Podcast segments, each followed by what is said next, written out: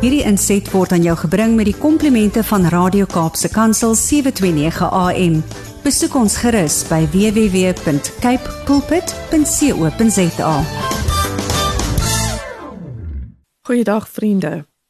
Ek luister na Erika de Tooy by die Wes-Kaapse Vereniging vir persone met gestremthede.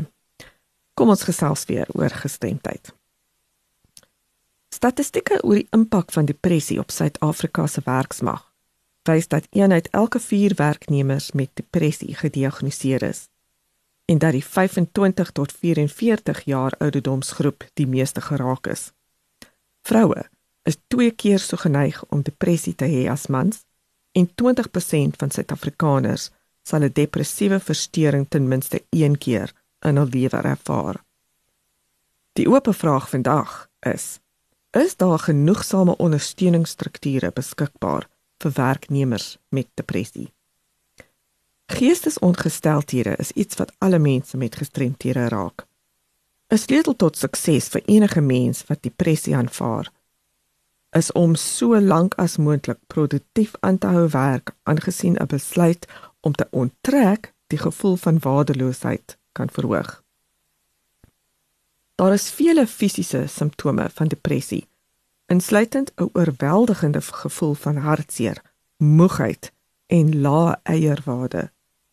Die harde werklikheid is dat indien iemand nog nooit self depressie ervaar het nie of niemand ken wat dit al ervaar het nie, is dit moeilik om hom daarmee te vereensgewig en begrip te hê vir dit wat die betrokkene regtig beleef. Depressie kan elke greintjie van jou daaglikse lewe oorheers en die toestand moet met groot empatie hanteer en behandel word. Kollegas van iemand wat depressief is, behoort die betrokkene te ondersteun en aan te moedig om die nodige ondersteuning te soek. Wees op die uitkyk vir die volgende tekens of simptome wat langer as wenslik by 'n betrokkene waarneembaar is.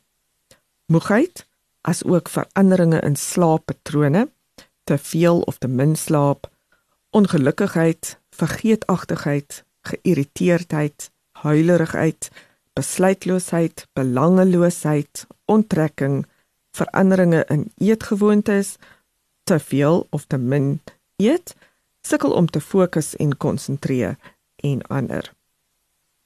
Depressie kan 'n werknemer se produktiwiteit, oordeel, samewerkingsvermoë en algemene werksprestasie regstreeks beïnvloed. Aangesien hierdie veranderinge in gedrag tot foute en ongelukke kan lei, behoort die toesighoudende beampte 'n goeie verhouding, oop en eerlike kommunikasie met die betrokkene te handhaaf.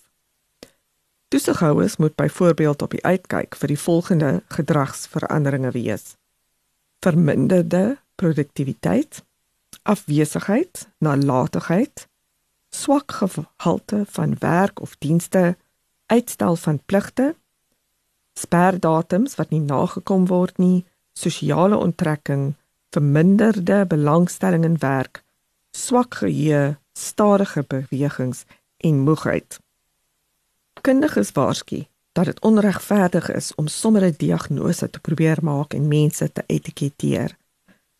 Bogenoemde gedragspatrone behoort slegs 'n aanduiding te wees dat iets met die betrokke werknemer skort en dat gepaste optrede geneem behoort te word. Belanghebbendes meen dat toesighouers die nodige leiding moet ontvang oor hoe om die werknemer te benader rakende sy of haar omstandighede want so 'n gesprek is uiters sensitief en kan heel moontlik 'n onbekende ervaring vir beide wees. Die toesighouer moet terugvoer oor die betrokkene se werksprestasie op 'n sorgsame wyse deurgee. Die betrokke werknemer moet begryp dat alhoewel iets verkeerd is, hy of sy steeds as mens gerespekteer word en deur die werkgewer ondersteun sal word met stappe vir verdere hantering en moontlike behandeling bestaan daar genoeg strukture in die arbeidsmark om diegene wat deur depressie geraak word te kan ondersteun? Word bestaande strukture wel benut? Word jy miskien regstreeks hierdeur geraak? Wat is jou mening in die verband? Ek verneem graag van jou hoe die stigma wat aan geestesgesondhede kleef suksesvol in die arbeidsmark beveg kan word. Nou ja, dis alwaarvoor ons vandag tyd het. Maar stuur gerus enige navrae aan my by awareness@wcapd.org.za of skakel my kantoor by 021 355 2881. Hierdie inset was aan jou gebring met die komplimente van Radio Kaapse Kansel 729 AM. Besoek ons gerus by www.cape pulpit.co.za.